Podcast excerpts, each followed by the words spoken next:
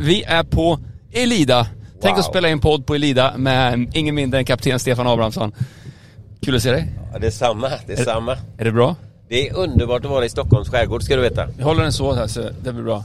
Hör ni mig nu? Yes. Ja, nu blir det varmare. Alltså, vi eh, poddar ju nu då på, eh, jag skulle säga Sveriges, Sveriges, ehm, Största segelbåt. Så är det eller hur? Ja, det. Sveriges största segelbåt Ja. med Sveriges bästa budskap. Absolut, absolut. För ni har sailing for Jesus. Jajamän. Eh, och det står på eran hela sidan på båten och det står på era segel Och på våra tröjor. och på era tröjor. Eh, härligt. s- Men vad gör ni? Kan inte berätta för alla tittare och lyssnare? Vi är en båt som har seglat faktiskt i 60 år. Wow. Eh, med eh, samma budskap om att Gud älskar alla människor. På våra segel så står det så älskade Gud världen att han gav sin enda son. Så att var och en som tror på honom inte ska gå under men har ett evigt liv. Wow. Så att det är, vi är en kan, kan man säga en räddningskryssare som är ute och berättar goda nyheter. Ja. Och sen har vi massor utav läger ombord på båten.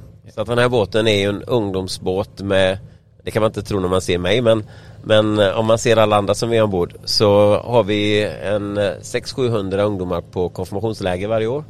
Och sen har vi en del skolklasser och, och lite annat ombord. Och sen nu när det är midsommartid så har vi eh, Har vi sång och musik i skärgården. Så vi lägger till och gör strandhugg och vi spelar sommarsalmer och lite gospel och lite ösigt och, och stilla och fint och vackert och alltihopa på en gång. Underbart ju. Ja. Ja, för ni åker runt i hamnar och sjunger och spelar, så har man varit på, på kusten liksom, Ja. på sommaren, så är det väldigt många som har sett er och sådär. ja, då är det fullt ös. Ja, och är man landkrabbor som man inte riktigt är på kusten, då borde man ju för det första ett, eh, ta sig till kusten. Ja, För det andra åka och någonstans där Elida är. jajamän. För att lyssna på er. Ja men så är det och det, det är ju faktiskt väldigt mycket folk som åker ut en kväll eller så för att se, komma ut till kusten och få njuta av det, se havet när det är fint väder. Ja, Och sådana fina kvällar då kan det ju vara väldigt mycket folk alltså. precis. Och det, ja, det kan ju vara helt fullt på, på kajen när ni kommer in liksom. Ja det är roligt. Eh, nej, riktigt bra alltså. Eh, och, och det som är så coolt är ju att ni, det, det här är liksom inte en, en segelbåt, alltså Sveriges största segelbåt. eh, Den är inte till för bara massa rika snubbar som ska segla. Den är inte till bara för att tjäna pengar. eh. Så, utan den är till för att helt enkelt sprida budskapet om Jesus. Absolut. Och sen, sen tycker jag att det är väldigt kul att låta människor få vara ute och uppleva havet. Ja, nu blåser det lite också. Det är härligt, det ska Ja. göra. Det är bra. Eh, det är väldigt härligt att låta människor få uppleva havet. Så att eh, jag var faktiskt eh, för ganska många år sedan så var jag ute med eh, en båt som heter Big T. Okej. Så det var en, en, eh, den, en utav värsting segelbåtarna som fanns. Just det. Och jag fick åka med på grund utav att jag var, jag var syssling till han som ägde båten. Bertil Aha. Söderberg, en gammal eh, sån här eh, eh, handbollsspelare. Okej. Som hade lite för mycket pengar och så byggde de en sån här häftig cool båt då va. Och så sa jag sen efteråt när vi hade upplevt det, vi seglade en 15-16 knop och, och det var en riktigt skön känsla. Så att det här skulle ju varenda människa få vara med om. Och så säger han lite på skoj sådär va, ah, det är bara för oss eh, med mycket pengar. Ja, så att eh, då skulle inte jag vara med här sa jag. Men eh, eh, då föddes den här drömmen att nästa gång vi bygger en, ny Elida då ska vi bygga en båt som är en riktigt härlig seglare. En, så. Och samtidigt så ska den vara öppen för alla människor. Så jag brukar säga att Elida är Sveriges största folkbåt. Ja. Alla är välkomna. Men det är riktigt coolt att segla Yes. med den här. Eller hur? För, ja, för den gamla båten var, en, var med en skuta. Ja, det var som när jag snackar med unga, då brukar jag säga ja det är sån här sjörövarskepp va?" Ja, precis. Sådär, du Just det. ja, och så är det. Det var en lite sån här gammal typ. Eh, Och det är coolt på sitt sätt. Men den här frihetskänslan när det blåser några sekundmeter och man bara swishar fram över havet, det är fantastiskt alltså. Wow. Ja. Ja, det här är ju typ, det är som en Volvo Ocean Race båt kan man säga. ja, han som har ritat linjerna på båten, han har ju ritat eh, Victory Challenge eh, bottenlinjer. Den här som eh, America's Cup-båten. Okej. Eh, Alla vet vem Pelle Pettersson är inom seglarsammanhang men få vet vem Jakob Virö är. Det är han som eh, har varit hydrodynamiker då för, för Pelle Pettersson i många år. Ah, okej. Eh, Han har ritat linjerna på den här båten så att eh, jo, den är riktigt skön. Just det. Och du har, du har varit kapten här, eh, hur länge? I 27 år. Just det. Och du tog över efter din pappa, Ja, som var kapten innan, jajamän. den gamla Elida. Det är som eh, Fantomen, va? vi lever vidare så. Underbart, ja ja. Men det som driver dig, det är ju att få, liksom, att få ut budskapet om Jesus. Ja, för att Jesus har gjort någonting i ditt liv. Mm. Kan du bara berätta, hur, hur, hur, var, hur, hur har Jesus blivit synlig och tydlig om man säger så, och kommit till dig? Ja, men alltså jag, jag är ju uppvuxen eh, i ett sammanhang då där min pappa han kom ju från missbruk och massa sådana här tuffa omständigheter. Han var ju en väldigt framgångsrik affärsman. Men bakom den här fina ytan så fanns det ju otroligt mycket skit då va. Han gjorde flera självmordsförsök och sådär va. Och, och sedan när han blev kristen och han startade det här nya livet. Så när man växer upp i en sån miljö där man hela tiden får se att det här är på riktigt. Tron är inte bara en sån här söndagsgrej utan det är någonting som påverkar allt man gör hela livet. Hela, allt, allt som, man, som man tar i har med, med tron och livet att göra. Eh, så är det väldigt svårt och eh, jag kan säga att jag tror jag aldrig har tvivlat på Gud. Jag har tvivlat väldigt mycket på mig själv. Det har jag gjort. Jag upptäcker ju att jag har dåliga sidor hos mig själv som jag får brottas med och sådär. Eh, men jag har aldrig tvivlat på Gud. Därför att han, han har hela tiden varit trofast, han har hela tiden varit god mot mig. Eh, han har hela tiden varit med mig även när jag betett mig alldeles galet. Eh, och det tycker jag är någonting som är väldigt fantastiskt.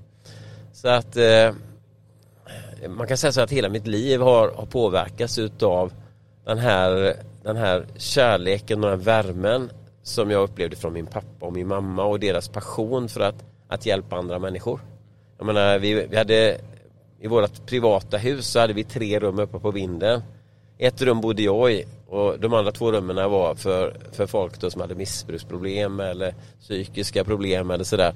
Därför att min mamma och pappa tänkte sig att vi måste leva kristet tro på riktigt. Vi måste öppna vårt hem.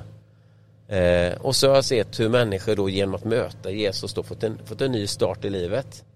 Eh, så att alltså jag skulle ju vara en fullständig alltså faktaresticent eh, sanningsförnekare om jag inte säger att jag har sett Gud beröra människor och göra nya saker i människors liv. Så det har påverkat mig så mycket så även under perioden när jag försökte springa iväg ifrån tron så har jag aldrig kunnat förneka att jag, det här är ju saker jag sett med egna ögon. Det är inte vad andra har berättat eller vad andra har sagt. Utan det här har jag sett. Eh, och det tycker jag det stärker mig enormt idag. Wow. Vad är det? det är bra. Ja. Ah, Okej, okay. det är bra. Jättebra. Vi fortsätter. Um, um, något som jag tycker är fantastiskt med Elida, det är ju alla de berättelserna som på något sätt kommer ut ifrån det här. Mm. Alltså människor kommer hit och får uppleva mirakler. Gud gör grejer liksom. Och jag skulle vilja att du berättar den här storyn om när du en gång skulle spela en trumpetlutt, trudelutt. Ja. När du var ute och körde, det var dimmar, man såg ingenting. Nej. Nu ser vi väldigt mycket för vi åker in i väldigt, Stockholm här. Väldigt vackert i Stockholm. Väldigt fint wow. och det blåser inte jättemycket nu och sådär. Nej. Eh, men berätta hur det var. Nej, det var så här att vi, eh, det var en tidig morgon eh, så skulle vi gå från, uppifrån Grebbestad och ner till Göteborg. Det är på, ut på svenska västkusten då. Och eh, när vi, eh, det var så tjock dimma så man stod och styrde med radar bara. Ser ingenting i princip. Va? Man såg knappt näsan på båten. Och när, precis när vi gör det så, så har gått då någon timme eller halvtimme någonting från Grebbestad så kommer min pappa ut. Han hade sitt rum längst bak i, i bakom styrhytten på den tiden. Så kommer han ut och säger Stefan gå ut och spela så. Ja, men pappa, vi är, och så berättade jag precis var vi var någonstans. Inte ett hus, inte en båt. Ingenting syntes på radarn. Och jag visste ju vilket område det var. Ett, ett sånt här, eh, kan man säga, dött område. Eh, men han var så envis så att eh, jag sa det här, okej okay, jag går ut och spelar någon låt då. Så jag tog min trumpet och så gick jag ut och blåste Amazing Grace ett par vänder. Rätt ut i dimman och det var ganska kallt och bedrövligt, halv nio på morgonen. Eh, och när jag gjort det så var min pappa nöjd. så tänkte jag, pappa börjar närma sig pensionsåldern i den här tiden. Så jag tänkte att ja, gubben håller på att bli snurrig. det var min reaktion. Men jag gick tillbaka in till styrningen och han gick tillbaka in i sin hytt och så fortsatte jag styra och jag tänkte inte så mycket mer på det. Så ett par år senare så kommer vi en solig härlig eftermiddag och går in emot eh, Fjällbacka. Vi har fullt med folk på däcket och det är sång och musik och mycket folk på bryggan. Eh, och sen när vi var efter, när vi var färdiga då så kommer det fram en man till mig och så säger han så här. Har du spelat trumpet länge på den här båten? Ja det har jag gjort så. Och då så säger han så här. Lyssna på mig nu. För ett par år sedan sa han, då var jag i en situation i vårat liv där eh, många företag som vi gjorde affärer med hade gått konkurs. Och jag jobbade dag och natt för att rädda vårat företag, sa han. Och en dag när jag kom hem till, till sommarstugan på kvällen, sent på kvällen, så låg det en lapp därifrån min fru. Att jag orkar inte med ditt sätt att leva. Eh, så jag, och barnen vi drar. Han sa det, jag sov inte ett blund på hela natten. Jag gick fram och tillbaka i huset. Och tidigt på morgonen sa han, så tömde jag medicinskåpet och tänkte att det finns inget att leva för längre. Jag satte mig i daycruisen och, och körde rätt ut men det var sån I en båt alltså? Daycruisen är en Ja, båt, ja, för det. alla som inte fattar det. Ja, just det. Eh, så han körde bara rätt ut. Och till slut så gick han på ett skär. För det var så tätt dimma. Och där gick han i land och tog med sig sin eh, påse med mediciner och skulle börja och häva i sig de här. Och då mitt när, när jag stod där ute så, så tänkte jag, tänk om det kunde finnas någon där uppe. Så jag bad en någon slags bön rätt ut. Eh, innan jag stod med händerna fulla med de här tabletterna. Och helt plötsligt mitt i dimman han, så hör jag en trumpet. Och jag tror att, alltså har jag blivit, har jag blivit helt knäpp i huvudet eller? Ja. Klockan är tidig på morgonen. Jag fattar inte överhuvudtaget vad det är som händer. Eh, men det var som det gick en varm ström genom hela, hela min personlighet. Berättade han. Och, och, så jag tänkte att det måste finnas någon mening med livet. Ja. Och så berättade han det då att, att eh, jag istället för att tömma de här så tog jag båten och stack hem. Och nu sa han, jag har fått företaget på fötter igen sa han. Och min familj har kommit tillbaka. Och jag har börjat att tro på Gud sa han. eh, och jag, jag står ju bara helt, man står ju som fallen från skyarna, man vet inte vad man ska säga Nej, nästan. precis. Eh, eh, och så säger han så här, Stefan, fortsätt med det ni håller på med så. Wow. Och för mig så var det en sån här, eh, alltså det var en sån otrolig uppmuntran. Ja. Eh, också det att Gud hör när, alltså när någon ber och att min pappa då hade någon slags, eh, han var uppkopplad på något sätt va. Precis. Eh. Och, men också att du, att du går ut och spelar. Ja, För ingen. Liksom, mitt, för massa... Liksom, för ingenting nej. Kan man tycka. man ser ingenting, det är dimma liksom. Och du går ut och bara satsar någonstans, eller gör det som du tror din pappa upplever. Ja.